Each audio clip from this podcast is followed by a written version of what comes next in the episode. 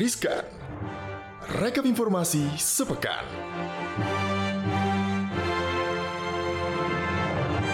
Halo Sobat Cuan. Hai, hai, hai. Halo Angel. Halo. Apa kabar Sobat Cuan? Semoga Sehat selalu ya. sehat pastinya ya. Kita ketemu lagi di Riskan, rekap informasi sepekan. deretan informasi yang akan kita bagikan buat Sobat Cuan ya sebelum happy-happy di weekend ya. Sobat Cuan update nggak sih di pekan ini ada yang hot-hot apa aja? Yang pasti ada breaking news. Benar, ada MKMK nih Maria Katarina, Maria Katarina gitu Iya kan. bener juga. Maria memberhentikan ketua Maria Katarina maksudnya MKMK mulu lagian sih ya. Ini ada breaking news MKMK berhentikan ketua MK Anwar Usman gitu. Gimana tuh ceritanya? Jadi Majelis Kehormatan Mahkamah Konstitusi atau MKMK bukan Maria Katarina. bukan Maria bukan Katarina bukan. ya.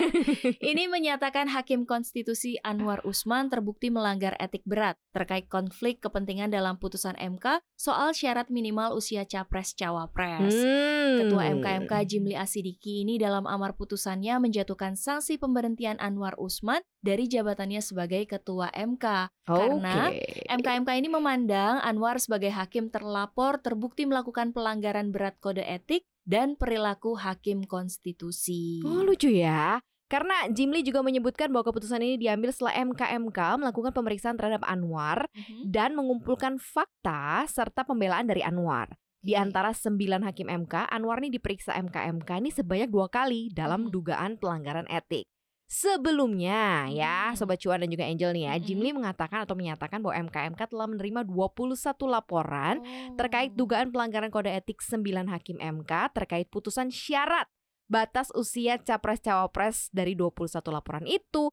Anwar Usman ini menjadi pihak yang paling banyak dilaporkan. Jadi dari 21 laporan dia tuh dilaporinnya 15 laporan Oke, gitu. Lebih hampir setengahnya. ya. Diketahui juga bahwa MKMK ini telah membacakan tiga putusan dengan terlapor 9 hakim konstitusi dan terlapor Saldi Isra. Mhm. MKMK memutuskan 9 hakim MK ini melanggar etik secara kolektif terkait kebocoran informasi dalam proses rapat permusyawaratan hakim atau RPH. Pada putusan yang kedua, MKMK ini memutuskan Saldi Isra tidak terbukti melanggar kode etik dan perilaku Hmm. terkait dissenting opinionnya.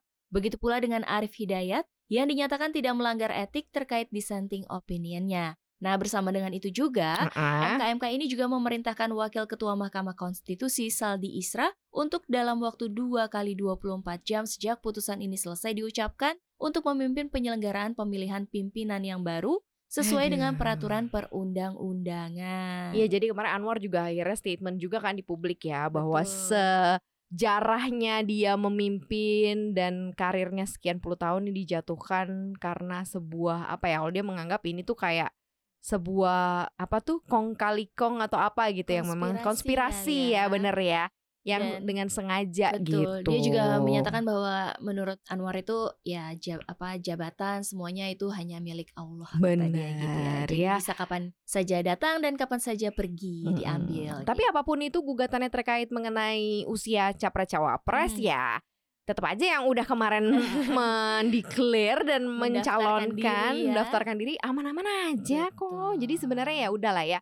Mudah-mudahan ada sejarah baru setelah ini ya. Kita tunggu nanti seperti apa. Termasuk kira-kira ini akan jadi sejarah baru nggak ya? Ada yang viral di stasiun Halim Apa tuh? cepat ini bocor katanya Aduh. bocor bocor padahal belum ke sana loh kan pengen naik kereta cepat ya harus Iya, lewat iya, sana ya. ya. KCIC buka suara terkait viralnya atap stasiun kereta cepat Jakarta Bandung Wush di Halim yang bocor saat hujan deras melanda DKI Hmm. Jakarta minggu lalu. GM Corporate Sekretari KCIC Eva Kairunisa membenarkan ya memang kan curah hujannya tinggi tuh malam hari ya pada tanggal 4 November 2023 di sekitar area stasiun kereta cepat Halim. Namun kondisinya tuh nggak ganggu kok area pelayanan katanya khususnya bagian dalam stasiun kereta cepat Wush Halim. Tapi kalau misalkan sebelumnya tuh ya kita lihat kan ada Mm-mm. muncul tuh ya sejumlah gambar beredar di sosial media yang menunjukkan kalau kondisi plafon stasiun bagian dalam itu mengalami kebocoran. Oke. Tapi Eva menyatakan kalau kejadian tersebut itu bukan di lokasi stasiun kereta cepat Halim. Mhm. Adapun visual lain juga nih yang menggambarkan adanya limpahan air di sisi tangga itu juga bukan berada di dalam stasiun, namun di area luar lobi kedatangan sisi selatan. Ya limpahan airnya kan karena Betul. berasal dari saluran air yang nggak mampu nih nahan debit Mm-mm. air ya.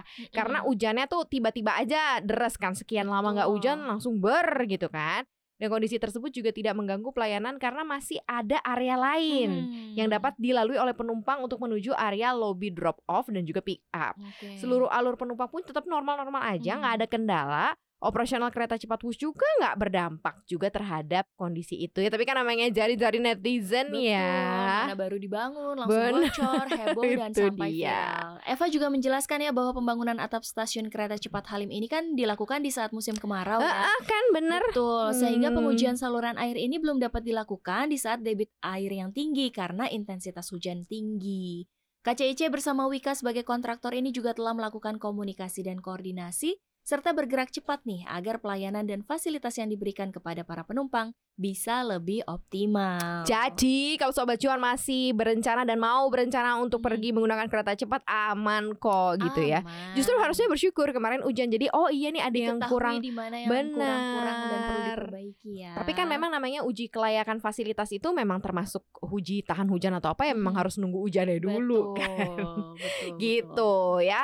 Next nih ada JIS Jakarta International Wuhu, Stadium nih ya sabar nih 100% siap dipakai Piala Dunia U17 karena udah rampung renovasinya ya. Betul. JIS ini nih kan uh, merupakan satu uh, warisan mantan gubernur DKI Jakarta ya calon eh, calon presiden ya calon Betul. presiden ya Pak Anies ya sudah siap melaksanakan Piala Dunia U17 berdasarkan pantauan dari CNBC Indonesia di hari Selasa 7 November 2023 di lokasi ini udah nggak ada lagi proses pengerjaan revitalisasi proyek juga udah nggak ada semuanya udah beres begitu ya yang dilakukan oleh Kementerian PUPR. Gak cuma itu, di keterangan tertulisnya juga Direktur Utama Jakarta Propertindo atau Jakpro ini ya, Iwan Takwin ini menyatakan bahwa progres penyempurnaan JIS khususnya untuk area field of play atau lapangan utama ini sudah rampung atau selesai 100%. Basement tempat turun naik pemain menuju stadion pun juga sudah rapi, termasuk Hmm. ruang konferensi pers yang kira-kira dapat menampung sekitar 100 orang. Nah, Piala Dunia U17 2023 ini kan akan digelar di Indonesia Hmm. 10 November sampai 2 Desember kan. Betul. Jadi hampir satu bulan full ya.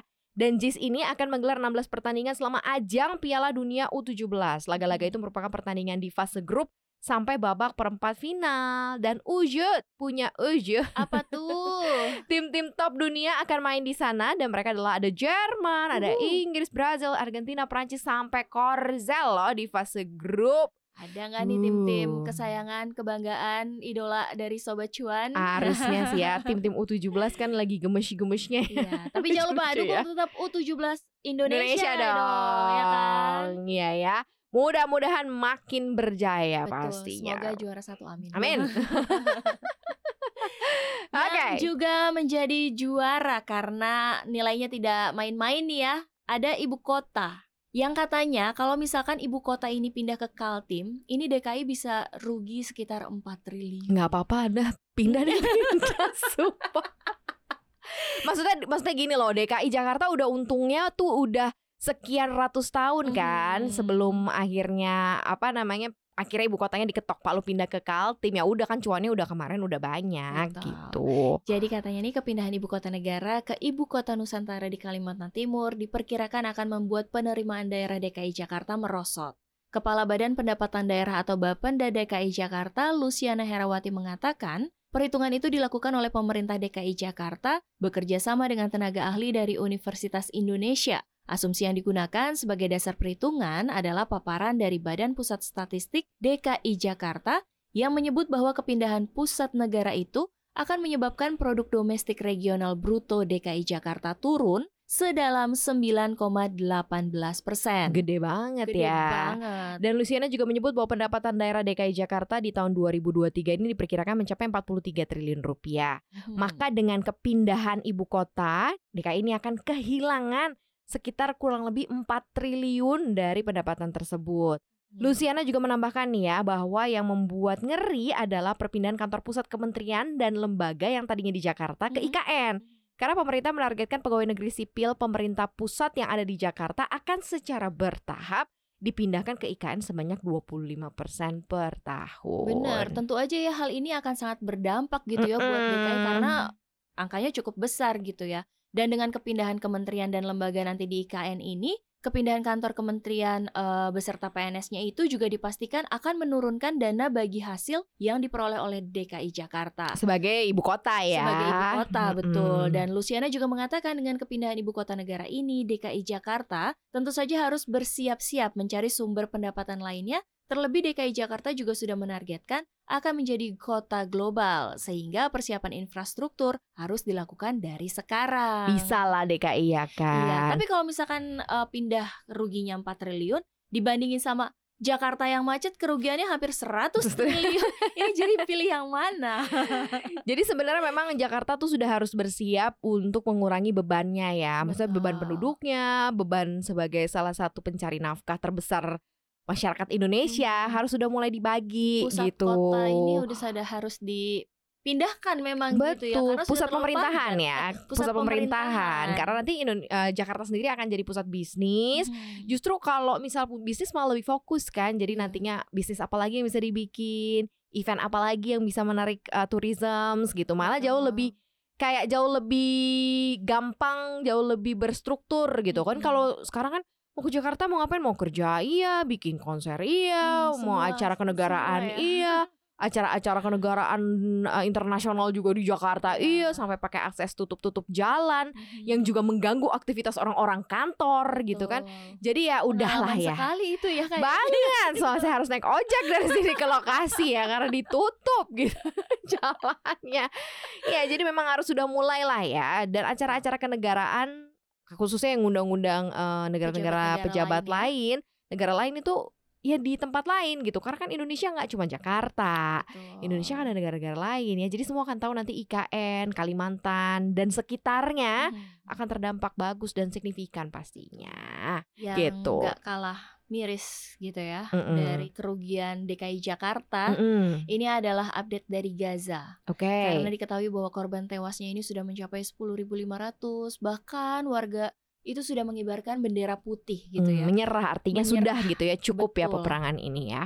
Serangan ke Gaza ini kan uh, masih terus dilakukan oleh Israel ya. Hingga Kamis 9 November 2023 saja, sejumlah laporan mengatakan bahwa rudal masih menghujani kantong Palestina tersebut. Dan angka korban di Gaza pun terus bertambah. Dari data terbaru Kementerian Kesehatan Gaza, tercatat 10.568 orang tewas karena serangan Israel. Sementara 4.324 luka-luka. Yang miris dari keseluruhan korban ini ya yang selalu menjadi uh, perhatian, perhatian karena sebagian besar adalah anak-anak dan wanita. Hmm. Namun hingga kini Israel menyatakan atau mengatakan tidak akan melakukan kejahatan senjata. Al Jazeera juga memuat bagaimana anak-anak di Gaza ini menghadapi kelaparan, kemudian penyakit, dehidrasi, dan anak-anak yang selamat dari bombardir Israel pun juga menghadapi resiko kematian yang paling tinggi ya. Bukan cuma ini, bukan cuma kehilangan keluarga ya secara mental juga mereka kena mental breakdowns, Betul. trauma yang berkepanjangan juga pastinya Betul. itu yang paling ditakutkan. Sementara itu CNBC Internasional melaporkan bahwa Israel ini telah mengklaim menghancurkan 130 terowongan di Gaza. Sayangnya ya, laporan itu belum bisa diverifikasi secara independen. Tapi di sisi lain CNN Internasional menyebut bagaimana warga Gaza berbondong-bondong mengibarkan bendera putih sambil memegang kertas identitas saat muncul perintah dari Israel untuk pindah dari wilayah utara ke selatan. Nah, menurut kantor koordinasi urusan kemanusiaan PBB, sekitar 5.000 orang melarikan diri ke Gaza Selatan dengan berjalan kaki selama 4 jam dan Israel juga telah mengklaim membuka koridor kemanusiaan selama 4 jam setiap hari bagi warga Gaza untuk bergerak ke selatan. Mungkin sekarang ini ada indikasi evakuasi yang lebih real gitu ya, hmm. nggak langsung asal serangan udara kayak yang kemarin-kemarin gitu. Tapi satu kata Israel nih, yang kamu lakukan itu jahat. kayak buat Rangga ya. Kamu sama kayak Rangga oh, kayaknya ya. Kapan ya kira-kira ini akan segera berakhir karena ini adalah udah bukan perang antar negara tapi sudah menjadi perang kemanusiaan gitu ya. Betul. Karena banyak sekali hak-hak warga Palestina di situ yang diserang oleh Israel yang apa ya istilahnya hidup aja tuh mereka bersyukur masih mhm, bisa hidup. Mhm, tapi di mhm. sisi lain kalaupun hidup gimana ke depannya karena mm-hmm. keluarga misalkan udah nggak ada. Betul betul. Banyak orang yang akhirnya susah melanjutkan hidup bukan karena nggak ada sumber daya alamnya atau nggak ada source-nya misalnya seperti materialsnya, hmm. tapi supportnya karena keluarganya juga udah nggak ada betul. gitu. Dan sometimes kan kita menemukan banyak kasus-kasus orang yang tidak punya alasan hidup karena buat apa gue hidup gue udah nggak punya siapa-siapa. Hmm. Nah ini yang kita sangat-sangat concerns Dan sekali lagi ya, ini bukan soal perang agama, perang ras atau perang antar saudara, tapi udah ini adalah udah masuk ke dalam uh, tensinya itu adalah kemanusiaan. Jadi ya cukup jadi manusia untuk bisa menghentikan peperangan. Tolong kita lebih banyak suarakan gitu ya sobat cuan karena kan mungkin akan uh, lebih banyak lagi message-message yang uh, lebih positif gitu loh Betul. tentang perdamaian gitu. Kita harapinnya sih seperti Tapi itu. jangan sampai kita membela Palestina di sana di dalam negeri sendiri kita akhirnya jadi berdebat gitu ya. Intinya mah cuma satu, kita pengen eh, perang ini segera berakhir, Betul. Israel segera dilunakan untuk bisa misalkan gencatan senjata Ya, agar ya, tidak ya, ya. tidak ada lagi gitu ya korban-korban yang berjatuhan khususnya anak-anak dan juga wanita gitu. Hmm, Atau uh, berantemnya lo satu lawan satu aja coba gitu. Berantem kayak zaman dulu kan kalau lo berani sama gua nggak usah bawa pasukan.